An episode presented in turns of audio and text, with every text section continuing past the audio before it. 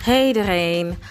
Um, dit is de eerste aflevering van mijn podcast. Um, als je hier nieuw bent en daardoor dit luistert, ik praat over sociale en in sommige gevallen economische politieke problemen van de zwarte mens in Europa, dan wel Nederland. Um, en dit is bedoeld als uitlegclub, maar dit is ook bedoeld als iets waar um, anderen wat aan kunnen hebben. Dit is het gesprek met de vriendin die je niet hebt, maar wel nodig hebt. Dit is het gesprek tussen zussen die je moet horen um, om te weten dat je niet gek bent. Ik ga het hebben over moeilijke onderwerpen en ik zeg alvast, ik ga diep. Dus als jij daar niet van houdt, als je houdt van luchtige dingen um, muziek, fashion, dat soort dingen. En daar, daar blijft het bij. Dan ben ik niet voor jou. Maar dan wens ik je nog steeds het beste in het leven. Oké, dat was de disclaimer. Let's go.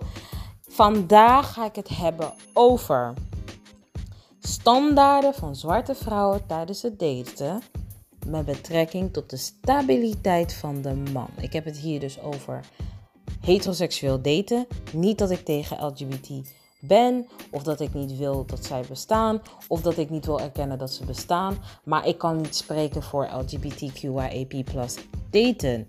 Um, dus ik denk, ik denk dat daarin ook de dingen een beetje anders zijn. Maar ik heb het hier over cis het daten.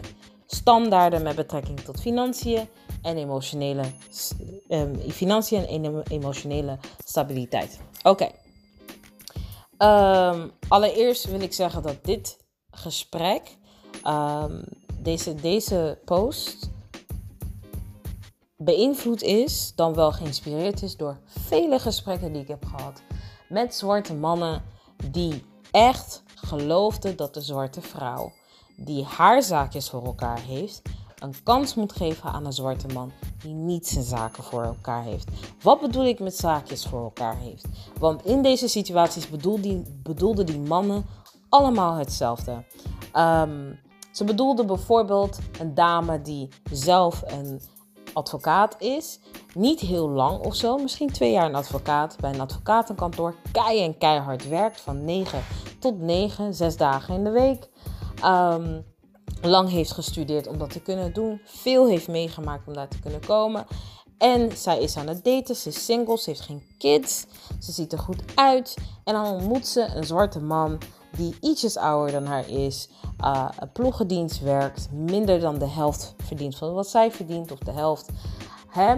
En het moeilijk heeft om uit die vicieuze cirkel te komen van uh, laag betalend werk. En deze mannen waren ervan overtuigd dat als zij, de zwarte vrouwen, massaal, die stabiel zijn, massaal ervoor kiezen om dit soort mannen geen kans meer te geven, dat die vrouwen dan automatisch met uh, non-zwarte mannen zullen eindigen, omdat ze dan gaan voor wat ze zelf zijn en dat is schaars onder de groep zwarte mannen in Nederland. Um, ik heb dit gesprek niet alleen gehad in Nederland. Ik heb dit gesprek ook gehad in het buitenland, onder andere in Frankrijk, België en uh, de UK over de jaren heen. En hetzelfde kwam terug. Ja, de zwarte man kan succesvol zijn en daarna mixen, maar die kinderen zijn dan black. Um, maar de zwarte vrouw kan niet mixen, want die kinderen zijn dan wel black, maar dan zijn ze meer wit. Um, ik, ik versimpel even het, het, het verhaal. Maar je loopt hier ook tegenaan wanneer je aan het daten bent. Wanneer jij als zwarte vrouw duidelijk aangeeft dat jij bepaalde criteria hebt. Um, bij je tante, je moet eens een keer proberen. Bij je tante, bij je oudere zus, bij je moeder. Die niet zelf al van mening is dat je gewoon standaarden moet hebben. Ik, moet, ik heb het over de, de mensen die dicht bij je zijn. Die dingen zeggen zoals: vrouwen moeten een kans geven aan een man die hard werkt. Zolang hij werkt, is het prima die dingen zeggen zoals vrouw, het probleem is van de zwarte vrouw, ze, is te kieskeurig of ze kiest verkeerd. Um, en er kan waarheid in zitten.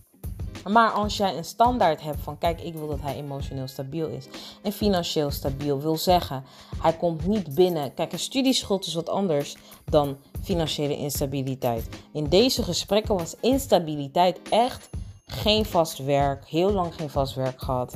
Ehm, in een sector werkend waar je snel ontslagen kan worden, waar je heel vervangbaar bent. In een sector, sector werkend die krimpend is. Ehm, en een lange geschiedenis van dat soort werk en dat soort inkomen. En niet echt het gevoel dat ze eruit kunnen komen. Ik heb laatst een gesprek gehad met een man. Ehm, waarin, hij, uh, waarin hij alle ruimte had om precies te uit, uit te leggen wat hij bedoelde. En wat hij aangaf was dat niet alleen vond hij dat die vrouw, bijvoorbeeld die advocaat, hem een kans moet geven, die het altijd moeilijk heeft gehad. Nee, het systeem in het land, het systeem in Nederland, zorgt ervoor dat hij een zwarte man er niet uit kan komen. De paar zwarte mannen die er wel uitkomen, die hebben geluk gehad. Uh, waartegen ik zei, um, nee, ze hebben hard gewerkt. En misschien hebben ze het geluk dat ze twee ouders, hadden. Of misschien hadden ze het geluk dat ze een, een HAVO-VWO-advies hebben gehad. En hebben ze daar volop gebruik van gemaakt en zijn ze uiteindelijk gekomen waar ze zijn gekomen. Maar um, er is wel hard werk nodig. Je komt er niet zomaar. Zeker niet als zwarte persoon in een wit land. Um, maar daar kwam er niet doorheen. En zijn uh, manier van beschrijven heb ik talloze keren gehoord. En het heeft mij echt geïnspireerd om het hierover te hebben. Oké, um, genoeg over die introductie. Wat is dan die financiële stabiliteit en emotionele stabiliteit waar ik het over heb? Um, want ik gaf als voorbeeld advocaat, maar niet iedereen die financieel stabiel is, is een advocaat. Het gaat puur om dat jij ten eerste zou uh, voort kunnen leven met dezelfde levensstijl voor een half jaar, misschien een jaar nadat je je werk verliest. Dat wil dus zeggen dat je bijvoorbeeld voldoende spaargeld hebt om een WW-uitkering eventueel te ondersteunen, uh, dan wel niet eens te ontvangen. Um, en tussen die twee zit een verschil. Hè. De ene is stabiel, maar heeft een buffer. Um, de ander is stabiel met normaal spaargeld, maar heeft geen buffer voor een jaar bijvoorbeeld. Maar zit in een sector waarin het ook geen jaar gaat duren om werk te vinden. Um, en dat kan een advocaat zijn, dat kan een, uh, een, een, engineer zijn, maar dat kan ook iemand zijn in IT, kan iemand zijn met een paar kapperszaken. Kunnen verschillende soorten mensen zijn die hun zaakje zo voor elkaar hebben dat uh, hun baan verliezen of een moeilijke maand hebben, ze niet zo instabiel kan maken dat ze bankroet zijn of dat ze hun huis moeten verkopen en bij oma moeten gaan wonen of bij hun moeder moeten gaan wonen.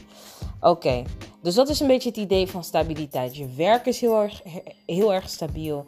Um, je, je sector is heel erg stabiel. Uh, je inkomen um, is ver boven wat je nodig hebt om te leven. Dus je leeft niet alleen. Je gaat twee of drie keer op vakantie. Dan kan je gewoon betalen. Uh, je kunt een auto betalen als je dat wil.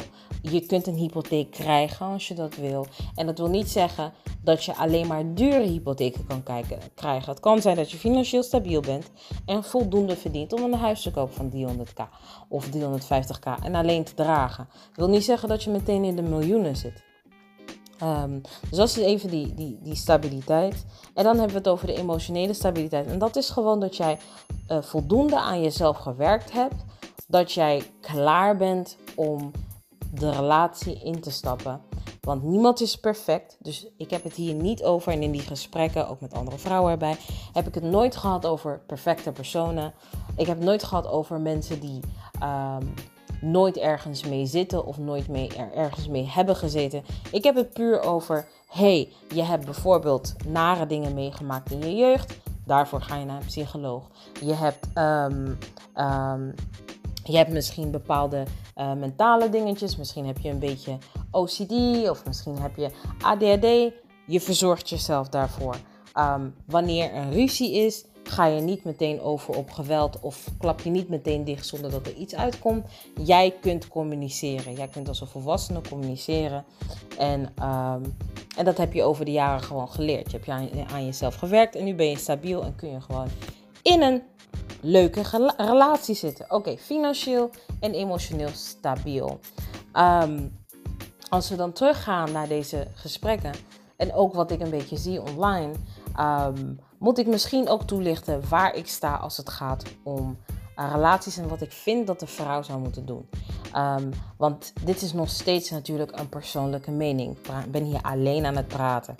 Ehm, ik vind dat de zwarte vrouw, gezien dat zij meestal de zwarte kinderen opvoedt en zij meestal bij zwarte kinderen die problemen hebben, degene is die in de problemen zit met die kinderen. Wat bedoel je daarmee? Wat, ik daarmee bedoel is de toekomst van zwarte kinderen. Die komen uit zwarte moeders, want het is ook een discussie of, of uh, dubbelbloedkinderen nou zwarte kinderen zijn of dubbelbloedkinderen zijn, dus gemixte kinderen zijn en dat dat een aparte groep is, of horen zij bij zwarte kinderen. Dat is ook een discussie, dus ik ga het nu even hebben over kinderen die twee zwarte ouders hebben.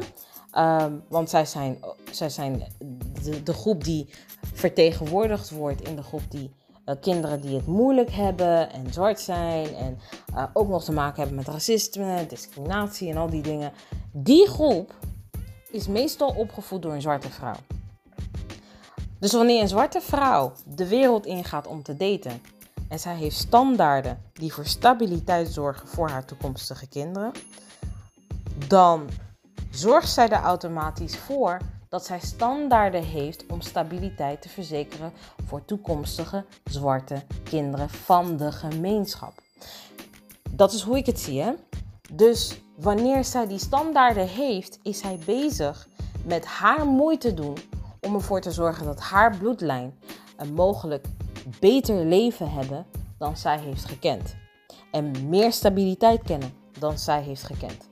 En beter kunnen concurreren met andere kinderen die die stabiliteit hebben. En um, onderdeel zijn van de standaard Nederlanders. Als ik het zo mag noemen.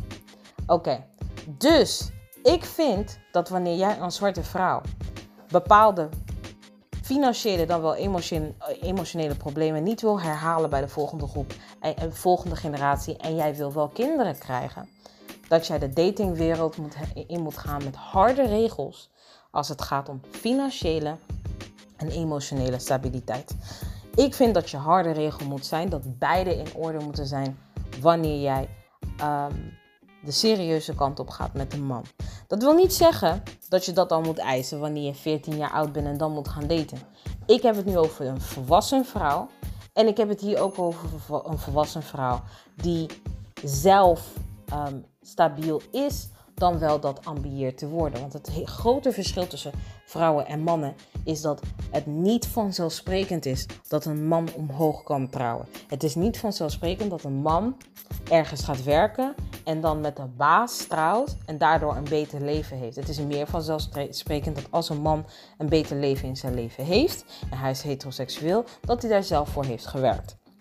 Bij een vrouw hoeft dat niet per se. Sterker nog, wij, als we het goed aanpakken, kunnen bijna altijd omhoog trouwen. En voor de vrouwen die zeggen nee, dat is niet zo, maar wel ehm, tot het moment dat we erachter komen dat Jay-Z vreemd ging, uh, vonden dat Beyoncé en Jay-Z een geweldig koppel waren en hij heeft haar omhoog getrokken en dat vond jij goed, dan geloof jij daar ook in. Jij, als jij het goed vindt dat een vrouw bezig is met haar eigen ding en daarna uh, trouwt of samenwoont of, of op een andere manier een bindenis aangaat met iemand die het nog beter doet en daardoor haar leven en het leven van haar kinderen nog beter zijn, ehm, dan geloof je ergens wat ik bedoel.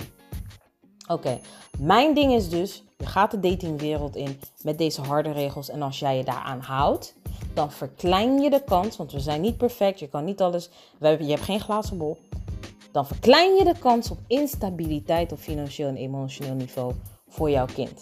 Mits je natuurlijk zelf aan je eigen instabiliteit werkt. En dat, helaas is het zo met ongelijkheid in de wereld, maar heb jij de ruimte voor om aan te werken tijdens de relatie. Ehm, sterker nog, als je kijkt naar Nederland, als je kijkt naar de emancipatiemonitor, dat wordt gedaan, dat wordt iedere vijf jaar gedaan, dan zie je dat in Nederland uh, de autochtone vrouwen helemaal niet zo geëmancipeerd zijn als ze lijken. Wanneer we in steden wonen en wanneer we collega's hebben, lijken autochtone vrouwen als vrouwen die altijd 50-50 gaan en altijd evenveel of zelfs meer verdienen dan hun man. En, ehm, en dat normaal vinden. Maar in realiteit, in realiteit trouwen heel wat autochtone vrouwen die hoog opgeleid zijn omhoog. En ze werken vaak genoeg na het krijgen van kinderen part-time en een partner niet. En dat is wat ze noemen hypergamy. Niet per se part-time werken, maar het omhoog trouwen. Jij zit op 40k, je trouwt met iemand die 150k verdient en jij profiteert van het feit dat die persoon zoveel verdient in levensstijl, in de dingen die je kinderen kunt aanbieden, in de plekken waar je naartoe kunt gaan, in het type huis waar je woont, de wijk waar je woont, het type netwerk dat je op kunt bouwen. Jij trouwt omhoog. Nou, is iedere man die beschikbaar is voor vrouwen die minder dan hem verdienen een goede man? Nee. Zal die je goed behandelen? Nee. Valt hij op jou altijd? Nee. Absoluut niet. Ik zeg alleen, wanneer je die kant op gaat daten, dan verklein je de kans op deze basisstabiliteit, gewoon instabiliteit, puur omdat jij aan het filteren bent. En ik heb gemerkt, wanneer een zwarte vrouw duidelijk maakt dat ze filtert tijdens het daten, dan kan het alom mensen kwaad maken tot en met. Het kan ze zo, zo ergeren dat een zwarte vrouw dat doet. En ik denk persoonlijk dat dat is omdat heel veel mensen niet doorhebben dat zij wel geloven dat er vrouwen op aarde bestaan die mogen filteren. En dat, er wel, dat ze daarbij wel geloven dat sommige van die vrouwen ook een laag inkomen mogen hebben. Of een, of een, een um, middelmatig inkomen mogen hebben. En zo mogen filteren dat hun man een hoger inkomen heeft en aan zichzelf heeft gewerkt en al die dingen. Maar het beeld van hoe die vrouw eruit ziet die dat mag doen, is niet de zwarte vrouw. Dus wanneer ze de zwarte vrouw dat, dat zien doen, dan denken ze in hun achterhoofd, misschien in hun onderbewustzijn, misschien in hun onderbuik. Hoe durf jij, zwarte vrouw, dit soort hoge standaarden te hebben, terwijl je eruit ziet als een zwarte vrouw die als niks anders door kan gaan dan een zwarte vrouw. Hoor even hoe ik dit zeg. Dit is niet wat iemand zal zeggen in je gezicht en zijn ze echt geen respect hebben. Maar als je kijkt naar hun gedrag, als je kijkt naar hoe ze jou uitdagen en jou vragen hoezo, waarom, dus jij vindt dat een arme zwarte man geen liefde verdient, da da da. Als je kijkt naar die reacties en je vraagt ze daarna, was jij zo kwaad op Anna Nicole toen zij als Playboy Bunny trouwde met een man die honderden miljoen dollars waard was en zij niet? Was jij zo kwaad? Misschien was je te jong. Oké, laten we kijken naar iets dichterbij. Meghan Markle. Was jij kwaad toen je erachter kwam dat Meghan Markle met iemand trouwde die meer dan 100 keer rijker was dan haar? Was jij kwaad? Of oké, dat is de Royal House. Dat is een, een, een vrouw die licht gekleurd is. Um, misschien was jij wel kwaad. Misschien was jij niet kwaad. Maar de kans is groot dat als zij een van deze voorbeelden kennen, en zich kunnen heugen hoe zij daarop hebben gereageerd, dat zij niet zo daarop hebben gereageerd. Ze hebben niet stilgestaan en gedacht: Nou, ik kijk neer op die vrouw, want ze is gegaan voor een man die veel meer verdient en veel meer heeft. En daar ben ik het niet mee eens. Je moet een kans geven aan de arme witte man, de arme biracial man, de mixed man. Um, nee, absoluut niet. Absoluut. Ik kan je garanderen dat deze mensen niet dezelfde emotie hebben omdat die emotie op basis van kleur is. De loyaliteit van de zwarte vrouw, als het gaat om haar standaarden, zal gekoppeld moeten zijn aan het welzijn van de zwarte man, zoals de zwarte man dat dicteert. En zoals de zwarte man leidt onder bepaalde dingen dat hij leidt. Dus jij kan niet, jij mag niet jouw standaarden uitspreken in het voordeel van jezelf. Want dat is automatisch egoïstisch. En wanneer je dan voorbeelden geeft van zwarte mannen die wel hun standaarden of preferenties um, uiten op basis van wat hun omgeving vindt dat het beste is. Bijvoorbeeld basketballers die heel vaak met een, een witte of lichtgetinte uh, vrouw van bijvoorbeeld van gemixte uh, uh, achtergrond trouwen, kinderen krijgen en die vrouwen een levensstijl geven die ze onmogelijk zelf aan haar, hunzelf zouden kunnen geven. Ehm, en als jij die voorbeelden dan erbij haalt, dan zul je zien dat mensen allerlei bochten in kunnen, zichzelf in allerlei bochten kunnen brengen. Ja, dat zijn atleten, die zijn altijd zo. Dus zo zijn ze ook in Nederland. Dat is wat anders dan een algemene man. Als je dan gaat kijken naar uh, een acteur, ja, dat is een, een artiest. Dat is niet hetzelfde als een algemene man. En als ik denk aan een acteur, dan denk ik bijvoorbeeld aan. Um, ik ben zijn man kwijt, maar hij zat in White Girls en hij speelde een zwarte man die uh, heel veel hield van witte vrouwen. Ik ben zijn naam even kwijt. Um, maar als je dan dichterbij kijkt en je zegt: Oké, oké, okay, um, Umberto dan. Ja, maar ik, dan, dan is het weer van: is hij wel zwart genoeg? Is hij wel onderdeel van, van de gemeenschap? Ik vind hem niet. Hij zit in die sferen. Want die, dat excuus hoor je ook. Ze zitten in sferen waar voornamelijk witte vrouwen in hun gezicht worden gegooid. Dus ja, je, je kunt je niet kwaad maken dat ze daarmee eindigen. En dit, deze podcast, deze post is niet als bedoeling om kwaad te worden omdat er gemengd wordt. Dit gaat puur om het recht om je standaarden te hebben. En in die standaarden de financiële en emotionele stabiliteit voorop te zetten. Wat ik ook onderdeel uh, uh, hiervan vind, is voorbeelden geven in je eigen familie. Van mensen die je persoonlijk kent, die duidelijk hebben laten zien dat hun preferentie niet is wat hun moeder, oma, zus, um, nicht is, maar meer wat, wat hij zou kunnen produceren met een witte vrouw, bijvoorbeeld. Of gewoon een witte vrouw. Of een Aziatische vrouw. Maar in ieder geval niet een, een uh, onomstotelijke zwarte vrouw. Als jij weet dat die persoon er zo in staat en zich zo uitspreekt en misschien lompe grapjes maakt over, over zwarte vrouwen um, ze een beetje omlaag haalt en zijn vrouw omhoog haalt. Um, dan is dat meestal een reden om jou op je plek te zetten. Van zo mag je niet praten over je oom. Laat hem zo is hij. Um, je weet hoe die is, laat het. Met andere woorden, als jij je gerechtigheid wil krijgen in dit gesprek over uh, voorkeuren en hoe een zwarte man ze wel mag hebben en vooral wel mag hebben uh, in de vorm van afwijzing van de zwarte vrouw, dan zul je je gelijk niet krijgen. Wat ik heb gemerkt is dat je moet gooien op feiten. Feit is, deze persoon bijvoorbeeld heeft nooit een relatie gehad met een zwarte vrouw. Um, zegt dat zwarte vrouwen veel te veel eisend zijn, maar ondertussen geeft hij ontzettend veel uit aan zijn witte vrouw. Snap je? Dat is een indicatie dat die persoon vindt dat de zwarte vrouw het recht niet heeft om hoge eisen te hebben. Op het moment dat je het uitspreekt, wat ik aanraad om te doen, om er erachter te komen welke vrienden echt mensen zijn waar je mee verder moet, welke familieleden mensen zijn die jouw groei ondersteunen uit het idee dat de zwarte vrouw klaar, blij moet zijn met heel weinig of niet. Um, dan zul jij pushback krijgen. En in die pushback zullen mensen, naar mijn ervaring, bijna nooit letterlijk zeggen: jij mag dat niet, want jij bent een donkere vrouw. Wat ik wel een keer heb meegemaakt is, en uh, ik ben iemand die heel zwaar is geweest en nu weer zwaar is, maar ook heel slank is geweest. Uh, ik heb wel eens een gesprek gehad met twee Kaapverdianen en één Congolese.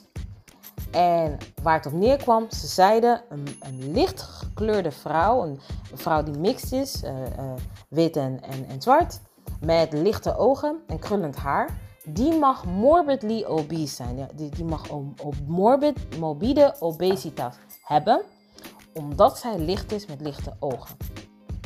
Op het moment dat zij uh, type 4 haar heeft en haar ogen zijn bruin en haar huid is donker, het hoeft niet de donkerste kleur te zijn, gewoon ergens tussen Michelle Williams en Kelly Rowland Um, dan mag zij geen mobiele obes obesitas hebben, want ze heeft haar kleur en haar niet mee. Dat werd letterlijk gezegd. Dat is wat ik bedoel met die standaarden. En ik vind dat wij als zwarte vrouwen, als vrouwen die de zwarte kinderen ter wereld gaan brengen, of grote kans hebben om zwarte kinderen ter wereld te brengen, dat wij juist om die reden vast moeten houden aan onze, aan, onze uh, standaarden met betrekking tot financiën en emoties tegelijk. Een ander argument tegen deze standaarden um, dat gekoppeld is met hey, als je die standaarden toepast als zwarte vrouw, ga je uiteindelijk eindigen met niet-zwarte mannen. Was dat wanneer je dan eindigt met die zwarte mannen, je meestal eindigt met een racist. Want wanneer jij filtert en een vijvertje creëert met opties die voldoen aan de stabiliteitsvoorwaarden, uh, dan blijven er bijna alleen witte, uh, witte of uh, non-zwarte mannen over die daar alleen maar zijn met die stabiliteit om een zwarte vrouw te vinden waar ze racistisch tegen kunnen zijn. Nou, natuurlijk is deze uitspraak niet gebaseerd op feiten. Het is meer gebaseerd op de wens dat dat de realiteit is door zwarte mannen die bang zijn dat meer en meer vrouwen afstand nemen van hen vanwege hun instabiliteit. Want let op, de zwarte man die stabiel is, heb ik dit niet horen zeggen. De zwarte man die mentaal stabiel is, is namelijk geen colorist. De zwarte man die mentaal stabiel is, haat zichzelf niet. De, de zwarte man die stabiel is, ziet in wat zijn broeders, wat zijn vrienden bij, bij, de, bij de kapperzaal, bij, bij, bij de barbershop allemaal doen bij de zwarte vrouwen. Wat zij normaal vinden, wat door de beugel zou moeten kunnen. En aan de andere kant ziet hij zijn zus en zijn moeder.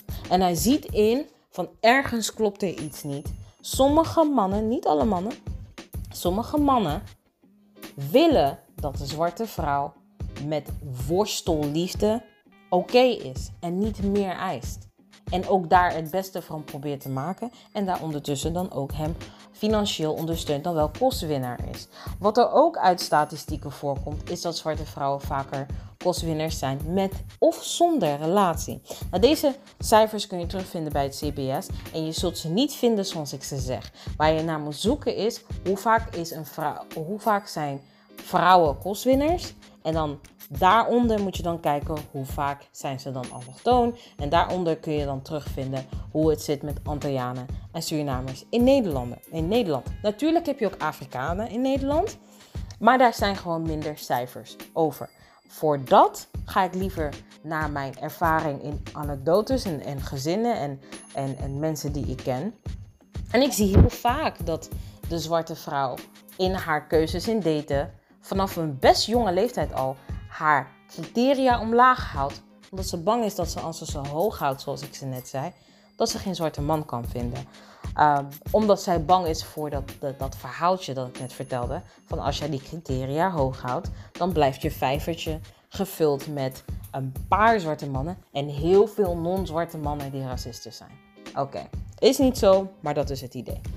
Um, vervolgens um, word je dan ook bang gemaakt met verhalen waarin het mis is gegaan. Tussen een witte man en een zwarte vrouw, tussen een Indische man, uh, Indiaanse man en een zwarte vrouw. Um, je hebt heel wat verhalen online en dat wordt naar voren geduwd in dit soort gesprekken, maar ook uh, als je op YouTube gaat en je gaat hier naar zoeken. Uh, met als conclusie zie je wel zwarte vrouw, de enige man die echt van jou kan houden en echt met jou een relatie kan hebben, is de zwarte man. En aangezien hij zo vaak instabiel is, moet je hem nemen met zijn instabiliteit en hem gewoon stabiliteit geven, want hij gaat het zelf nooit krijgen. Of als hij het krijgt, gaat hij wel met jou blijven. Wat ook niet waar is, en daar ga ik zo heen. Ik wil nog één ding zeggen over dit onderwerp is op het moment dat jij met jouw standaarden daar uh, sterk staat, verwacht niet dat argumenten in het voordeel van de zwarte vrouw, zoals ik ze net heb uitgelegd, van hé, hey, als wij gaan voor een stabiele man en werken aan onze eigen stabiliteit, dan zijn zwarte kinderen stabieler. Dus dat is beter voor vrouwen in het algemeen. Verwacht niet dat zwarte vrouwen die dit horen jou automatisch zullen ondersteunen. Want de, de marketing om het idee heen dat wij de ruggengraat, schouders, fundering en bankrekening moeten zijn van instabiele zwarte mannen is ontzettend, ontzettend, ontzettend sterk. Sterker nog, het idee dat de zwarte vrouw voor iedereen zou moeten zorgen, behalve haarzelf, is sterke marketing in het algemeen. Niet alleen naar de zwarte man toe, maar ook als je kijkt in de zorg. Het idee dat zwarte vrouwen ehm, oneindig veel diensten aan kunnen en vast niet ziek zullen worden. Het feit dat zwarte vrouwen steeds vaker aangeven dat wanneer zij burn-out verschijnselen hebben, dat ze meerdere malen terug moeten komen bij dezelfde instanties, bij dezelfde contactpersonen binnen hun werk of buiten hun werk, om serieus genomen te worden. Ehm, en we zien het ook in, in de geneeskunde, waarin zwarte vrouwen worden verwacht dat ze veel meer pijn aan kunnen en sneller sterven tijdens hun uh, zwangerschap dan wel tijdens bevalling, omdat hun pijn en daardoor indicaties dat er misschien iets mis is, niet serieus genomen wordt. Dus dit is onderdeel van een groter spectrum. Niet alleen maar de zwarte man die dat doet bij de zwarte vrouw. Nee, het is een groter, een groter ding waar we mee te maken hebben en waar we um, middels ons gedrag en middels de dingen die wij accepteren, uh, een betere wereld voor kunnen creëren. Oké, dan ga ik verder naar het idee dat de, um, dus de, de non-zwarte man, dus, dus ja, de non-zwarte man zo slecht is dat het allemaal niet werkt. Kijk, aan het einde van de dag, en um, dit zeg ik ook op deze manier omdat ik al een half jaar, een half jaar aan het praten ben. Aan het einde van de dag um, is emotionele stabiliteit ook dat de non-zwarte man geen racist is. Dus op het moment dat dat jouw standaard is, hoor jij ook te letten op is deze man een racist? Is hij een colorist? Is hij op een andere manier problematisch waar ik niet mee kan leven? Dit zijn dingen die je uit kan zoeken tijdens het daten. En het argument dat alleen de non-zwarte man jou die behandeling kan geven, is puur fout. Omdat zwarte mannen even erg of erger kunnen zijn. Zwarte mannen kunnen zo erg zijn tegen jou dat zij vinden dat omdat jij donkerder bent, jij perfect zou moeten zijn. Perfect voorbij en standaarden die ze zouden zetten bij een vrouw die niet zwart is. En dat is ook problematisch. Dus die emotionele stabiliteit waar ik het over heb, is eigenlijk emotionele stabiliteit uh, met betrekking tot jou en jouw mentale gezondheid als jij met die persoon bent opgescheept. Dus de volgende keer dat, je, dat jij eh, een gesprek hebt en er wordt jou verteld van hey, jouw emotionele standaarden zijn te hoog en uh, non-zwarte mannen zullen dat gebruiken om racist te zijn, moet je aangeven. Dit is hoe ik het definieer. Dat is mijn grens. Maakt niet uit hoe je eruit ziet. Dus ik ga het niet accepteren van een witte man dat hij binnenkomt en zegt van ja, als je zwarte pieten racistisch vindt, dan moet je het land maar uit. Dat ga ik niet accepteren. Maar wat ik ook niet accepteer is dat een zwarte man tegen mij zegt: normaal date ik geen zwarte vrouwen, maar voor jou maak ik een uitzondering, want jij hebt X, Y, Z bereikt. Of jij ziet er X, Y, Z uit. Of jij sport X, Y, Z keer. Noem maar op, je begrijpt wat ik bedoel. Dus um, nog een voorbeeld dat ik wil geven is uh, Emmanuel Aboué, geloof ik, heet hij. Een Cameroonese voetballer die miljoenen heeft gemaakt en nu blut is.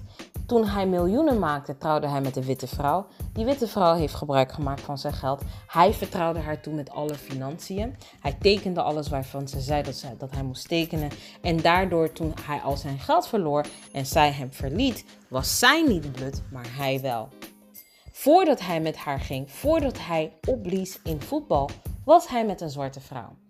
Hij was met een zwarte vrouw verloofd.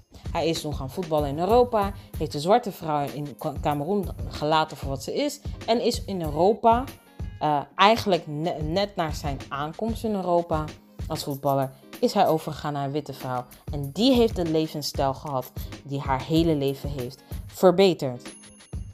Daarnaast, toen hij zijn geld verloor, is hij dakloos geworden. Hij woonde gewoon in een huis dat, dat niet bewoond was, dat niet van hem was en waar hij ieder moment uit zou kunnen komen. Dit is iemand die miljoenen heeft gemaakt. In deze blutheid heeft hij zijn weg terug kunnen vinden naar Cameroen. Die vrouw terug kunnen vinden die hij had laten zitten voor het leven in Europa en uiteindelijk een Europese vrouw. En ze zijn getrouwd. Hij is nog steeds blut. Hier is het ding. Sommige mensen zullen zeggen: ja, maar zij wil misschien toch met hem trouwen, want hij heeft een bepaalde naam. Hij heeft de reputatie dat hij al die dingen heeft gedaan. Dus het kan nog steeds voordeel voor haar hebben vanuit Cameroen. Mensen in het continent Afrika, Afrika zijn niet dom. Als jij terugkomt met niks, maar dan ook echt niks, dan wil dat dus zeggen dat mensen daar jou omhoog moeten helpen. Dat is een indicatie dat je, dat je financieel niet stabiel bent. Hij gaf ook aan dat het een, emotioneel had geschaad. Hij was niet meer wie hij was toen hij een voetballer was en een leuke geld verdiende en veel, uh, um, veel uh, um, bekendheid kreeg en al die dingen. Hij was niet meer die persoon. Hij was nu een verbitterde persoon die veel had meegemaakt. Hij was uh, geschaad door, door die hele ervaring. Ik weet niet of jullie horen waar ik het over heb of waar ik naartoe ga. Maar deze man had de mogelijkheid om zijn Cameroonese eh, verloofde naar Europa te halen en met haar te trouwen. Maar de minuut dat hij hier was in Europa, ging hij over op een Europese vrouw. Nou, zijn persoonlijke redenen waarom hij dat heeft gedaan, die weet ik niet. Maar ik weet wel dat dit, hoe dit is gegaan, in die volgorde heel vaak gebeurt. Wanneer het goed gaat met deze man, is hij met de witte vrouw. Wanneer het falikant misgaat, gaat hij niet alleen naar zwarte vrouwen. Hij gaat terug naar de zwarte vrouw die nooit heeft kunnen genieten van zijn bloeiende uh, en groeiende tijd. En ik hou er niet van als ik een zuster zie in die positie. Dat zij goed is voor de moeilijke tijden, maar niet goed voor de slechte tijden. Dus in Nederland, wat betekent dat nou? Want we hebben een systeem Um, en daar zit discriminatie racisme in. Institutioneel racisme bestaat. Er zijn elementen in deze samenleving die het leven voor jou, omdat jij een, een donkerdere huidskleur hebt, een Afrikaanse of een Afro-huidskleur hebt, um, uh, moeilijker kunnen maken. Die zijn er zeker voor jou als zwarte vrouw, voor hem als zwarte man. Om even die twee tegenover elkaar te zetten. Maar als jij het, lukt om hard te werken en daardoor jezelf uit de situaties te slepen. En jij bent dus onderdeel van de paar mensen in dit land. Want geloof mij, die groep is niet groot als je kijkt naar de statistieken. Paar mensen in het land die op HBO-WO-niveau groeien tot een medior niveau. Dus je verdient geen 30k meer per jaar. Je zit meer op de 50k per jaar of hoger, 60k per jaar of hoger. Um, dan ben jij zelf uitzonderlijk. Je hoeft niemand een verklaring te geven, ook al zit je op de 30k. Je hoeft niemand een verklaring te geven dat jij dat of beter wil. Dat is een besluit dat jij maakt over jouzelf en jouw baarmoeder. En iedereen die daaruit gaat komen. Of jouw papierwerk. En een ieder die via papierwerk jouw kind zal worden, via adoptie of wat dan ook. Dat is een besluit dat jij maakt voor jouw toekomst. Want aan het einde van de dag is het mooie dit.